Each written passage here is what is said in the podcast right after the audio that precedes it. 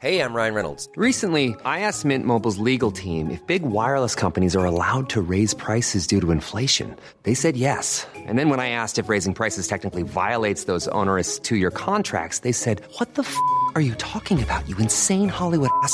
F- So to recap, we're cutting the price of Mint Unlimited from $30 a month to just $15 a month. Give it a try at mintmobile.com slash switch. $45 upfront for three months plus taxes and fees. Promo rate for new customers for limited time. Unlimited more than 40 gigabytes per month. Slows. Full terms at mintmobile.com. Even when we're on a budget, we still deserve nice things.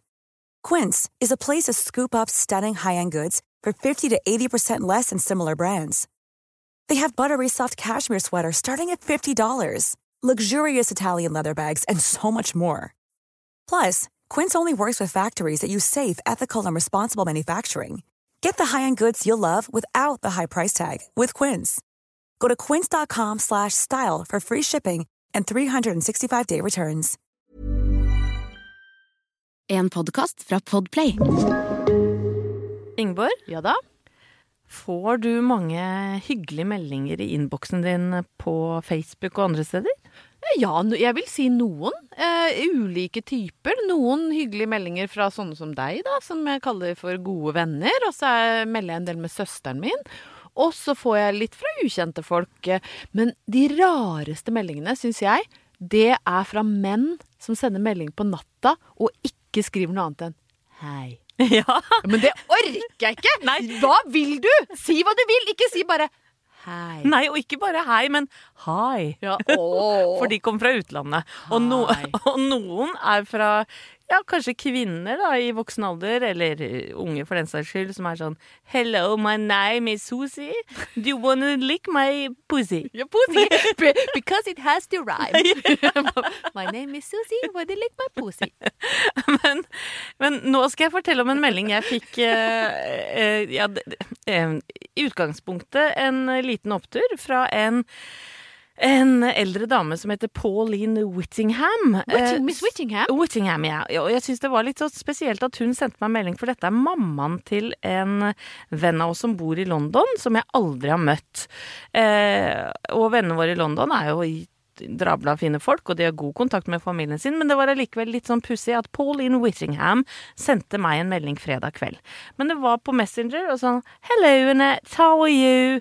Uh, hope you're well. Og så er jeg høflig, da. Jeg skriver tilbake well, I'm very well, thank you. Litt sånn spørsmålstegn inni meg. Hva er det denne litt eldre dama eh, vil med meg? Og så var det litt mer sånn ja ja, håper familien har det bra, og kanskje vi kan ta en kaffe en dag, liksom. Så, så begynner jeg liksom å skjønne at eh, det var pussig. Vi har jo aldri møtt hverandre, aldri tatt en kaffe, ingenting. Men jeg svarer høflig tilbake, for jeg tenker kanskje I would love that. Yes, maybe she's sinal or de dement. Yeah, Og- a cup of tea. ja. og så plutselig så begynner han å si sånn Å, det var så hyggelig at jeg så navnet ditt på postkodelotteriet her om dagen. For det vi nå i England pga. covid, så, så eh, har vi liksom fått muligheten til å vinne store penger. Og så det var jeg, så heldig at jeg gjorde her om dagen. Så sender hun meg et bilde av altså stabler med penger. Det var som om vi var inne i eh, pengebingen til onkel Skrue. Hva?! Og så tenker jeg sånn, nei, hva er dette for noe? Jeg sier jo til Thomas, da mannen min, at du, det er litt merkelig her. Det er en meldingstråd med Pauline Whittingham nå. Hun har vunnet jævlig mye penger. Nei, nei, Og så tenker jeg sånn OK. Eh, og så viser det seg da at hun var eh, Ja, hun skriver i hvert fall enda mer etter at hun sendte disse pengene. Click on this link. Yes. yes. Will you receive some money then? Yes, yes. Og så var det sånn at jeg, helt fram til den linken dukka opp rett foran trynet på meg, så trodde jeg at jeg dreiv og melde, jeg meldte med en eldre, søt dame fra London. Og det viste seg sikkert å være en eller annen faennivoldsk jævel som skulle lure meg for penger. Fy fader. Ja, fader heller, altså. Så for oppturen, da, det er at jeg ikke klikka på den linken. Du for en gangs skyld. Det er et ungdommelighetstegn at du ikke gikk i den fella og klikka på den lenka, for da hadde jo hele telefonen din vært uh, infisert med virus nå. Ja, tror du ikke jeg veit? Og jeg var jo lettlurt og har vært det hele livet. Som blant annet da Tobias lurte meg til å spise tobakk i åttende klasse, og jeg lå spøy hele kvelden. Men oppturen, Ingeborg, er at jeg har blitt mer skeptisk med åra, og det er bra i forhold til sånne links from England.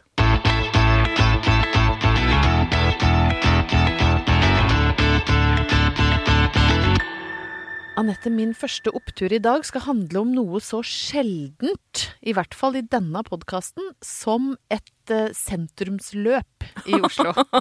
Fysisk fostring. Ja, rett og slett. For eh, i helga som gikk, så var jeg altså sammen med eh, om lag 3000 damer på Bislett stadion og gjennomførte det som på folkemunne heter KK-mila. Det heter KK-mila. Også på folkemunne, men, også, men, men det var Også heter i skriftlig form. Yes. Ja, men for jeg skulle til å si Er det sant at du da, Ingeborg Heldal, tar på deg tights og løper en mil? Nei, det er ikke sant. Det, det kan jeg faktisk ikke skryte på meg. Men jeg er med på uh, halvmila, altså femkilometeren.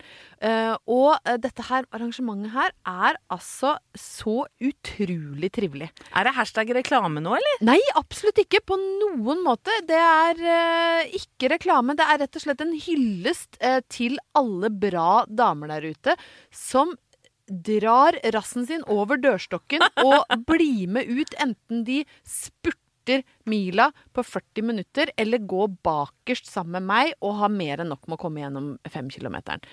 Uh, jeg eh, skulle egentlig gå med Else Kåss Furuseth. Ja. Eh, for hun var konferansier på dette arrangementet. Og så viste det seg at for at hun skulle rekke tilbake og eh, gjøre jobben sin, eh, som er jo da å heie folk i mål, så måtte hun spurte fem kilometer i første pulje. Uh, og det uh, innså vel Else ganske raskt at det, det går ikke, det. Nei. Dette kommer ikke til å gå opp. Så jeg var helt aleine. Å, herregud. Ja, jeg hadde, var for seint å ringe deg, sant. Det var, og det var jo mange tusen damer der. Men så jeg sa fra, da, eh, i mikrofonen bare 'Jeg har ingen å gå med'. Ja. Bang, bang, bang. Ja, hei, sånn. hei, hei.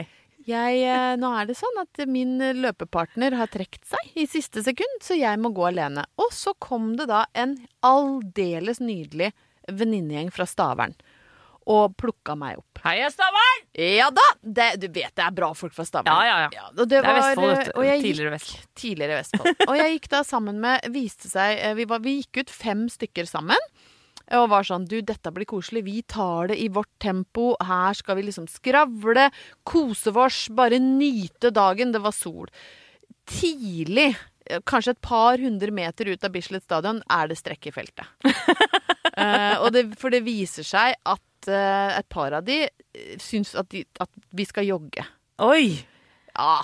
Og det, da ble jeg litt sånn Nei, jeg syns det er Mugna litt ikke? Nei, nei, Nei. men jeg sånn Jeg syns det er litt tidlig i løpet. Jeg er redd for å brenne kruttet tidlig. Og, så de løp jo fra meg ganske raskt. Men heldigvis, da, hun som jeg gikk sammen med, som var eh, ja, i midten av 50-åra, tror jeg, hun var nyoperert. Oi.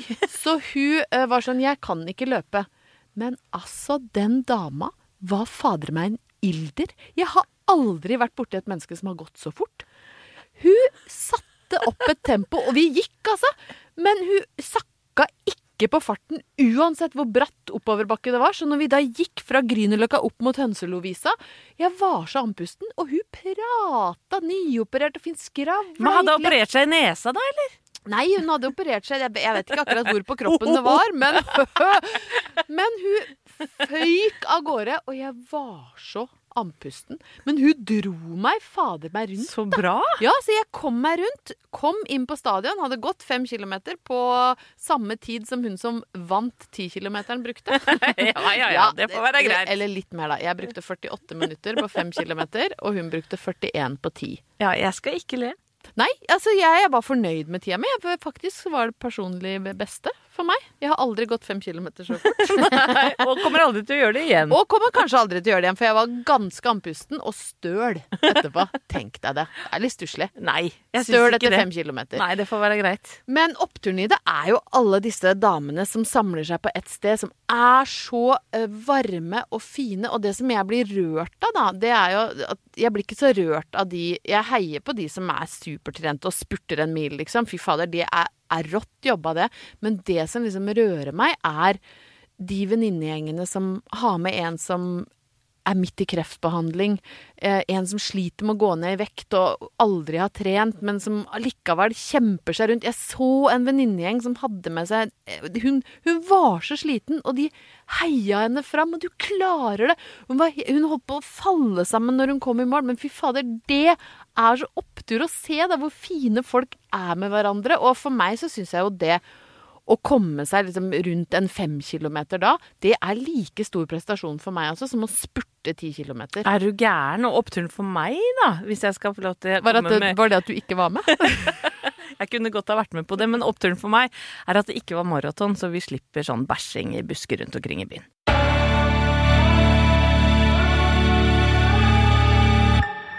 Jeg skal være så frekk at jeg starter eh, denne praten, Ingeborg, med tre ting som er skikkelig oppturer for meg.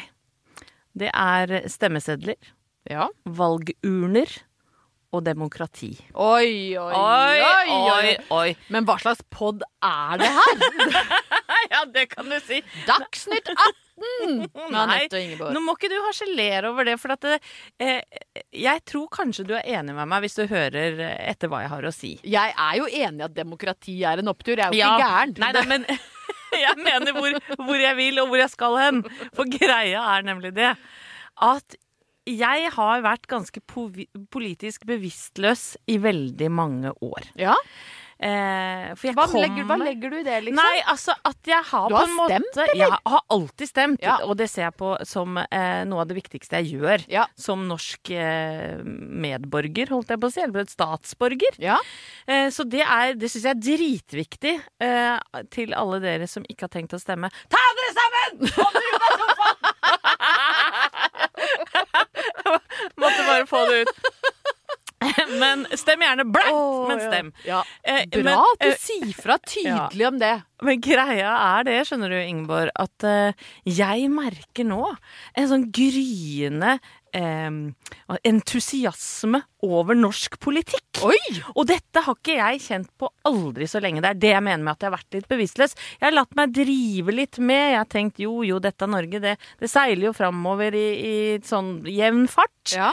Og hva jeg tenker på og ikke tenker på, det har ikke så mye å si. Men eh, på grunn av flyktningkrisen, kanskje for noen år siden, eh, klimarapporten som kom for noen uker siden, som, som selv mine bevisstløse ungdommer liksom har eh, lest og blitt eh, livredde av, så har jeg også bare kjent på en sånn boblende interesse for politikk igjen. Og jeg begynte å liksom sette meg ned foran dumboksen, som plutselig ikke er så dum lenger. Smartboksen. Smartboksen med smarte folk som snakker om eh, viktige ting. Jeg ser på valgsendingene, jeg, både på TV 2 og NRK. Eh, jeg nyter det, jeg, jeg gleder meg over det. Og det tenker jeg er litt sånn Jeg, jeg syns det er deilig å kjenne på det, da. Og eh, det får meg jo eh, For det har jo ligget der latent hos meg hele tida, Ingeborg. For jeg kommer fra en veldig politisk familie. Jeg er født og oppvokst i, i Åsgårdstrand, det har vi snakka om før. Det, det ligger mellom Horten og Tønsberg. Eh, og da jeg vokste opp på 80-tallet, så var det blått, mørkeblått fylke. Altså Frp-blått, liksom? Ja, altså eh, det var høyreblått, men også litt mørkeblått her og der. Ja. Eh, og det var litt sånn uvanlig på den tida. Ikke sant? Men kom en høyrebølge, man snakker om høyrebølgen på 80-tallet, den var kanskje spesielt eh, ja, Kanskje den skyldte spesielt over Vestfold fylke, da, som jeg bodde i. Og da var det litt grann eh, rart, kanskje, eller eh, ja, hva skal jeg si? Vi skilte oss ut, for mamma og pappa stemte SV. Og de satt i kommunestyret, og de, altså, de syntes i bybildet, holdt jeg på å si. På hvilken måte da? På den måten at eh, de var ikke noe opptatt av materialistiske ting. Vi kjørte en bil som var ganske sånn nedskalert, som jeg blei mobba for. Eh, Vi kjøpte eh, møbler på loppemarkedet. Det var liksom sosialisme og solidaritet i alle bauger og kanter. Jeg tror til og med de hadde sånn klistremerke, sånn nei til atomvåpen og sånne ting som jeg er innmari stolt av i dag, da. Men som var ganske sånn flaut den gangen. Ja, det skjønner jeg. Kanskje. Hvis, hvis du litt sånn opp eh, frikete, ikke sant? Ja. Eh, og jeg blei jo dratt mellom eh, ja, klassekamerater som var veldig sånn besteborgerlig, og familien eh, sosialismegjeng. Eller no, det var en dårlig måte å si det på, men en skikkelig sånn blodrød gjeng, da. Som vi var en sånn liten oase midt i Åsgårdstrand. Men jeg husker diskusjonene, ikke sant. Jeg husker Kåre Willoch mot Gro Harlem Brundtland. De vanvittige debattene. Jeg husker Kåre som sa 'ta ikke den ironiske tonen'. Ja, det det er noen sånne også, ja. ikoniske setninger fra den gangen. Og eh, vi var så opptatt av politikk. Og jeg var så opptatt av eh, at homofile skulle ha like rettigheter som, eh, som gifte folk til å adoptere barn. Og jeg husker hvordan jeg Jeg tror jeg gråt en gang på videregående, for jeg ble så sinna på folk som ikke mente det samme som meg. Og så treffer jeg Thomas og gifter meg for barn, og så blir jeg bare en sånn flat eh, jævla eh, meningsløs dame, Altså, hadde ikke du møtt Thomas Numme, så hadde kanskje du vært leder i, i eh, Sosialistisk Venstreparti nå. Ja, gudene veit. Nå skal det sies at foreldrene mine har jo greit på en måte vendt seg mot høyre, da, og er mye mer ja, kanskje konservative enn de var eh, den gangen. Sånn tror jeg det er med mange folk, at man er liksom sånn blodrød og sosialistiske, og så jevner det seg litt ut Og så er du litt mer idealistisk når du er ung, sant? Ja. tror jeg. Mange er opptatt av litt andre saker, og sånn skal det jo være. Ja, men det eh, oppturen for meg, da, det er at jeg ser at eh, folk og ungdommer har begynt å engasjere seg igjen. Jeg ser at unge mennesker tør å stemme helt forskjellig fra foreldrene sine. For det er det forska på at, at de gjør. Jeg merker innad i familien at det er prat om klimapolitikk, at det er diskusjoner. Du har to unger som skal stemme i år, du. Ja! Og det er jeg gøy. har det, og det er dritgøy! Og det er altså så givende å, å ikke bare prate om eh, ja, hva skal jeg si rus. rus og innetider, men at man kan sitte og prate med barna sine om også helt ja, store verdensomspennende eh, problematiske ting. Så oppturen er at nå er det fader meg snart valg, og jeg gleder meg som en unge til å pynte meg. Du skal pynte deg, ja. Gå ned på skolen. For Thomas og jeg er veldig opptatt av at vi må stemme på sjølveste valgdagen. ja. For det er tradisjon. Og så er det hjem og feire etterpå. Og hva sier vi til de som har tenkt å sitte hjemme og ikke stemme? Kom dere opp av sofaen! Planning for your next trip? Elevate your travel style with Quince. Quince has all the jet setting essentials you'll want for your next getaway, like European linen, premium luggage options, buttery soft Italian leather bags, and so much more. And is all priced at 50 to 80% less than similar brands. Plus, Quince only works with factories that use safe and ethical manufacturing practices. Pack your bags with high-quality essentials you'll be wearing for vacations to come with Quince. Go to quince.com slash pack for free shipping and 365-day returns.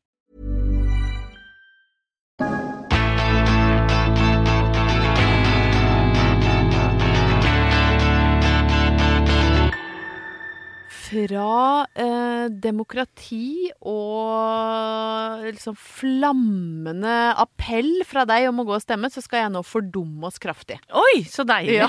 Nå skal vi ned igjen. Nå har vi vært litt der oppe, snakka om de store tingene som betyr noe, og det å leve i et demokrati. Nå skal jeg dra oss skikkelig ned. Å, jeg elsker Ja. turen nedover. Ja da, jeg skal, jeg skal være dum, dum, dum, men eh, jeg har altså med meg en opptur i dag knytta eh, til eh, kanskje litt eh, dumme ting man gjør som ung, som du gudskjelov slutter med når du er voksen. Oi. Kan du komme på noe som liksom eh, umiddelbart som du er glad for at du ikke lenger trenger å drive med? Ja, at man ligger med noen for å være grei. Ja. Det er en gave. Grei eller høflig? Ja. bare så, Nei, han, vi hadde jo dratt hjem, da. Jeg Fader, jo- jeg Nei da.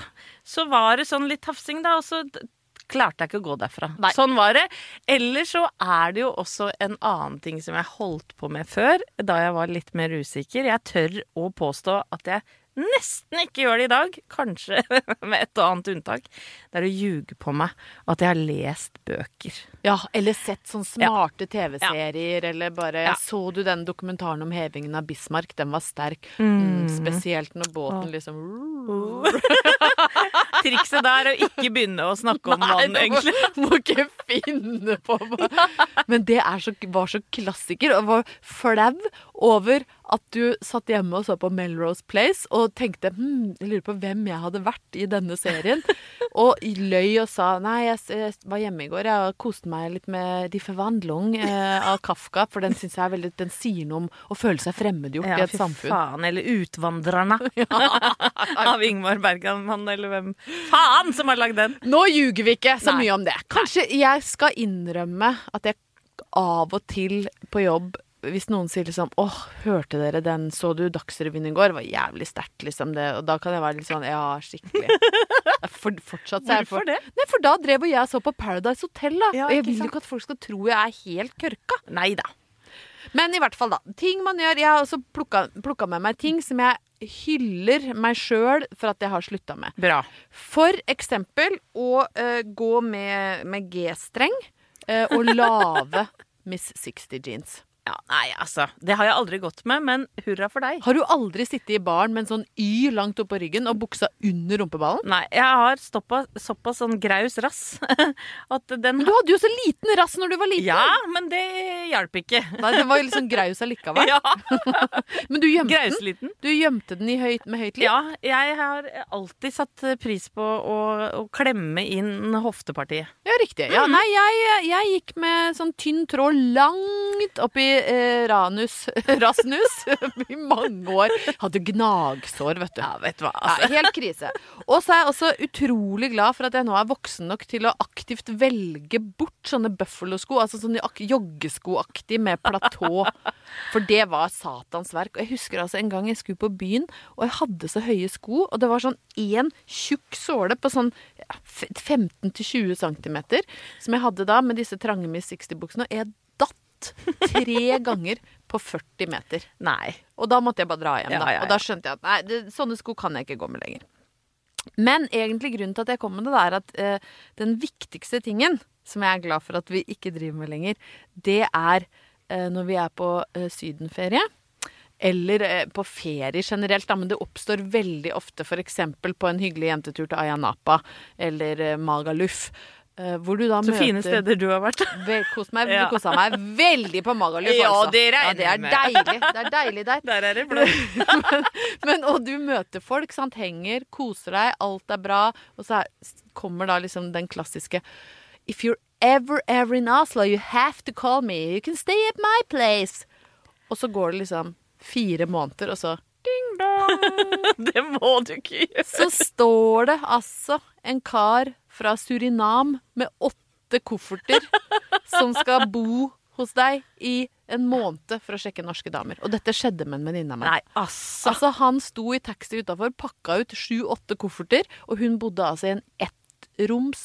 Og der bodde han mens han var da ute for å, å sjekke markedet i Oslo. Å, fy fader, endte det med mord? Nei da, det gikk bra. Det var, eh, og hun hadde da møtt han på en eller annen ferie hvor han tok sånne pullups. og, og så litt snasen ut. If you ever come to us, da, please, please look me up. Men oppturen her må jo være at han kom derfra i live. Ja, det er jo en, er en kjempestor opptur, og også en opptur uh, for meg at det aldri noensinne mer skal ringe på døra hvor det står da en eller annen Stratis fra Kreta med trillekoffert og litt sånn forhåpningsfullt blikk. Ding dong!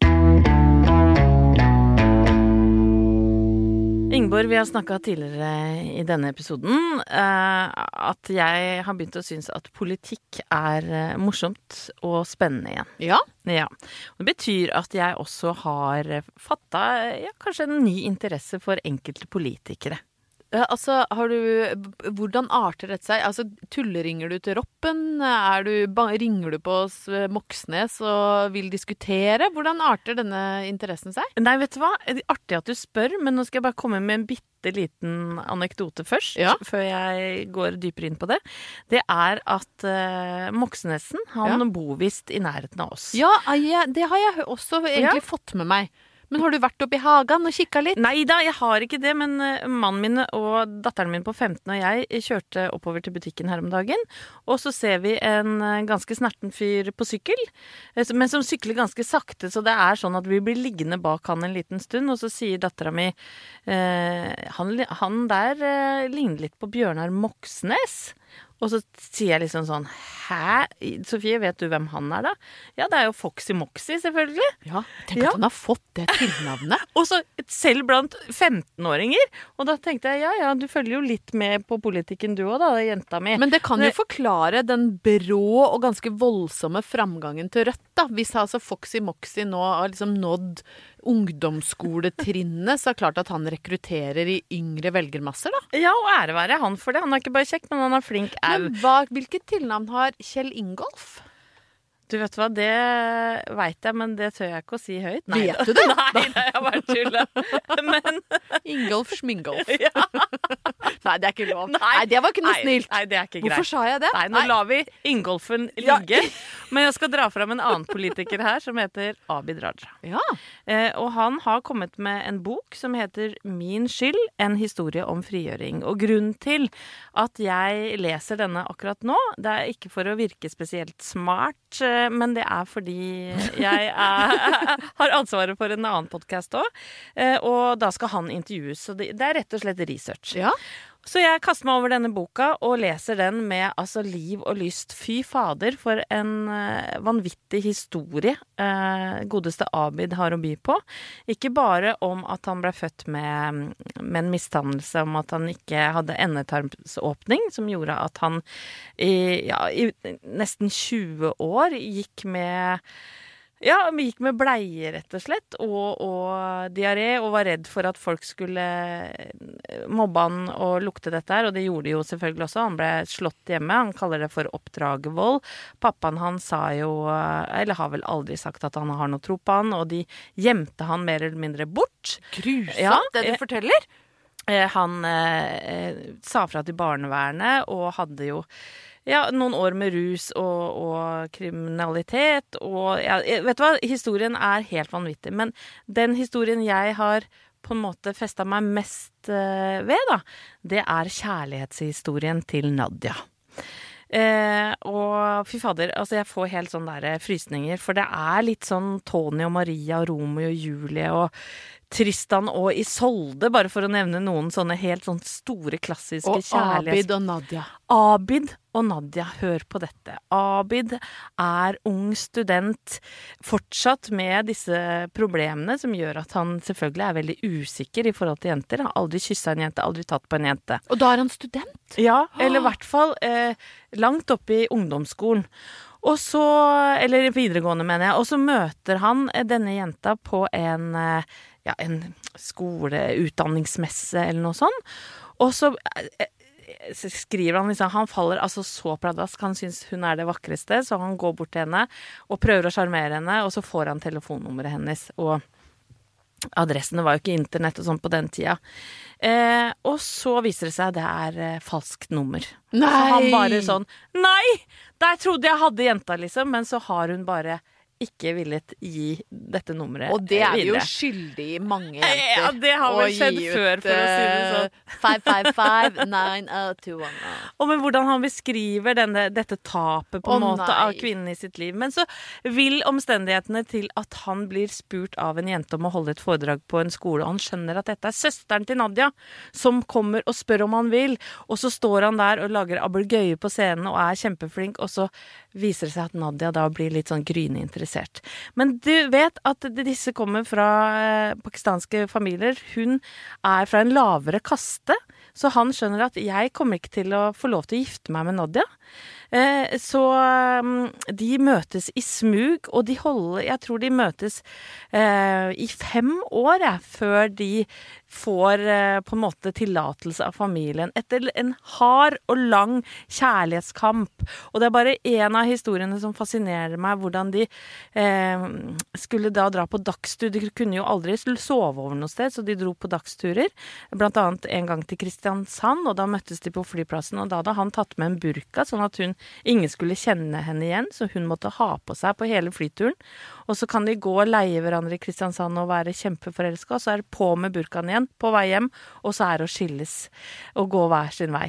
Um, men jeg har bare lyst til å lese et lite utdrag fra, eh, et, eh, fra da, en dagbok som han skrev på den tida her.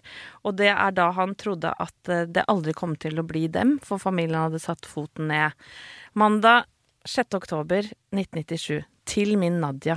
Jeg har akkurat bedt den siste kveldsbønnen. Jeg ba om deg og håper at jeg oppnår deg. Jeg vet ikke hvordan. Alt ser mørkt ut. Min mor, min søster, ja selv lillesøster sier at jeg skal gi opp. At jeg skal be deg leve med det. Hvordan kan jeg gjøre det? Hvordan kan jeg noensinne si det til deg etter å ha møtt deg i dag? Kan ikke gi opp. Ikke bare på grunn av meg, men også på grunn av deg. Du er alt for meg. Jeg er din for alltid. Får jeg ikke deg, skal jeg gi livet mitt. Da jeg møtte deg, tok vi oss sammen. Vi lo da vi gikk. Jeg vet at du har det tøft, at du var nær ved å knekke, men du ser dette lysere enn meg. For meg ser alt mørkt ut. Uten deg kommer jeg til å dø. Altså, jeg syns det er så fint, og så får de hverandre. Eh, og så utdanner hun seg til psykolog. Han er advokat og nå mer politiker. Eh, han trodde ikke han kunne få barn. De har prøver prøverør. De får to tvillinger og en sønn. Og nå er de kanskje Norges eh, kuleste par. I hvert fall en helt fantastisk kjærlighetshistorie. Og eh, det er ikke det, Ingeborg, at eh, jeg kommer til å stemme Venstre på, på grunn av denne historien. Men Det er ikke langt unna. kommer som alltid til å stemme på den sterke kjærligheten. Og det er en opptur i seg sjøl.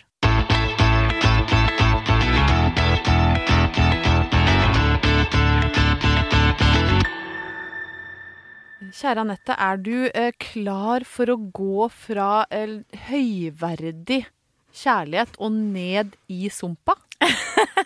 Ja, for, for nå merka jeg det, at jeg gikk inn i en litt sånn ny rolle som sånn, ja Nesten eh, bokanmelder Ja, eller litt, Ja, ja. ja. Og hvor ble det av den derre grause jenta som egentlig bor Hun inni derre grause fra Åsgårdstrand som vi er så glad i, hun Ja. er ikke her i dag. Nei, hun er opptatt av kjærleiken. Ja, hun er blitt tatt av demokrati og kjærlighet, og har, har slutta å være opptatt av naturens rumpehull og, og slikt. Ikke vær redd! Hun kommer tilbake. Men jeg sitter her og skuer ned på Joey Tempest. Ah, Og for de som ikke det umiddelbart eh, ringer noen bjeller Shame on you! Altså, det er vokalisten i Europe. Han var kanskje en av mine favoritter altså, på 80-tallet. Og han hadde det mest pudlete håret av alle som hadde puddelhår. Mm. Han hadde så stort hår at jeg skjønner nesten ikke at det går an. Nei, altså jeg skjønner ikke at han kunne se på scenen. Nei, at han ikke han bare ikke. ramla rundt der. Men jeg, har, jeg innser nå at jeg har nesten ikke sett øya hans før nå. For han har litt vind i håret på dette romantikkcoveret fra 89. Eh, og han har veldig små øyer!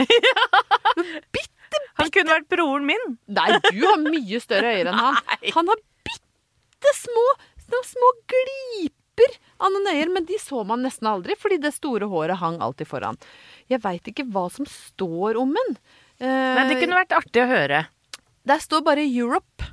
Europe er fortsatt svenskenes sterkeste kort i den internasjonale popverden.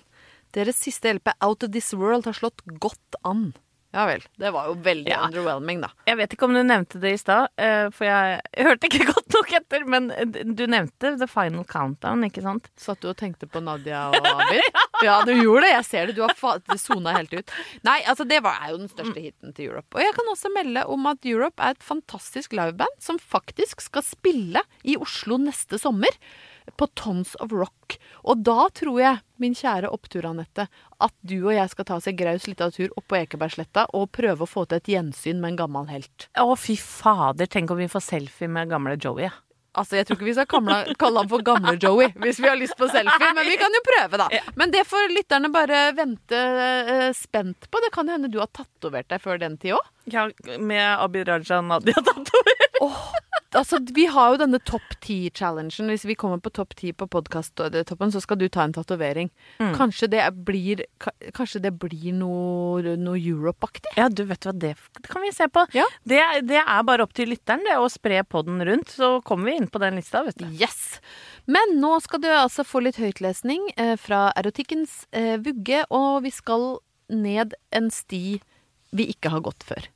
Ja. Det vil si at jeg har parkert Eikeren, eh, heksebrenning og, og, og kommet til et lite stykke som innsender har valgt å kalle Mørkets gjerninger. Oi! Ja, men der har vi, føler jeg vi har vært før, men kanskje enda mørkere dette. Vi har ikke vært her. Nei, okay. Tro meg. Jeg var 17 år og til min store fortvilelse ukysset. En kveld skulle jeg og bestevenninnen min på diskotek. Utpå kvelden ble det varmt inne i dansesalen, og jeg gikk ut for å få meg litt luft. Ute var det stummende mørkt, for gatelysene virket ikke. Akkurat det jeg rundet hushjørnet, støtte jeg borti noen. Jeg kjente to sterke armer rundt meg og to myke lepper mot mine. Akkurat da kom gatelysene på, og jeg kikket opp på gutten. Da fikk jeg mitt livs sjokk. Det var min yngre bror! Nei! Nei, nei, nei, nei. Nei, for altså Er, er inspirert av Game of Thrones Ja, og Cersei veit! og Altså, han var like sjokkert som, Han så like sjokkert ut som jeg følte meg og sa I helvete heller, hva gjør du her? Hvorfor kysset du meg? spurte jeg surt. Kysser du alle du kommer borti? Da sa han at han hadde avtalt å møte ei jente her, og at han trodde det var hun som kom. Og akkurat da kom jenta rundt hjørnet. Jeg sa bare ha det, broderen, og gikk. Tenk at jeg fikk mitt første kyss av min bror. Nei, men eh, eh, Signert med Søskenkysseren! Nei, nei, vet du hva? Dette Romantikk, hva er det de holder på med nå? Ja, men Dette er jo sendt inn av noen, da. Men altså, hvis jeg hadde klina med min egen bror, så hadde jeg vel ikke sendt inn som en sånn artig Nei, gladhistorie jeg, til jeg, hadde altså. jeg hatt ansvaret for eh, Ja, redaktøransvaret der, så hadde jeg vel ikke printa det heller. Nei, men det var ikke sikkert det var så mye å velge mellom. Det som er en liten opptur her, er at eh, Joey Tempest tydeligvis ikke hadde samme redaksjonelle påvirkning som Carola. For det kan jeg si, det Carola-nummeret jeg hadde med forrige gang, det er jeg kasta. Ja. Ja, for det, var, det er noe av det mest prippende jeg har vært borti. Men du vet hva, eh, mens du har prata nå, så kom jeg på en eh, oppfordring jeg, som jeg har lyst til å gi til lytteren. Er det å gå og stemme? For jeg tror de har fått med seg at du syns det nå. det er ikke det, faktisk. Men vi har jo så bra lyttere. Så hvis dere har lyst til å eh, skrive til oss bitte små romantikknoveller, bitte små glimt fra hverdagen, eh, og sende til oss på, ja, i innboksen Ikke dickpics! Men bare Hvorfor- altså, koselige. hva med et koselig lite dickpic? Ja. Altså, er, Ja, er da, du så streng? men nå, nå sporer du av. Men det hadde vært hyggelig med noe sånn bitte små glimt fra hverdagen. Eh, Ikke, det trenger ikke å være sant, men det trenger å høres ut som romantikk. Du oppfordrer rett og slett uh, lytterne våre til å begynne med erotisk diktning. Det er, akkurat det jeg gjør. Jeg liker det kjempegodt. Men jeg er enig. Jeg, vet du hva, jeg trekker tilbake det med dickpics. Det vil vi ikke ha. Men hvis du må sende bilde av underlivet ditt, eller kjenner at det presser seg på et behov, så vil jeg utfordre deg til å tegne det. Med blyant. Herregud. Eller tusj, hvis Hvor du er vi på veien nå? Jeg sier at jeg orker ikke bilder, men hvis du absolutt vil, så kan du tegne tissen din og sende den til oss per post. Jeg tror dette er en av de rareste episodene vi har lagd noen gang. Ja, Det er det faktisk. Ja. Vi, I dag har vi nådd rett ut, føler jeg. Ja, vet du hva? Hvis du ikke kunne kjenne på noen deler av følelsesregisteret ditt knytta til noen av disse oppturene, så må du rett og slett gå i deg sjøl. Ute.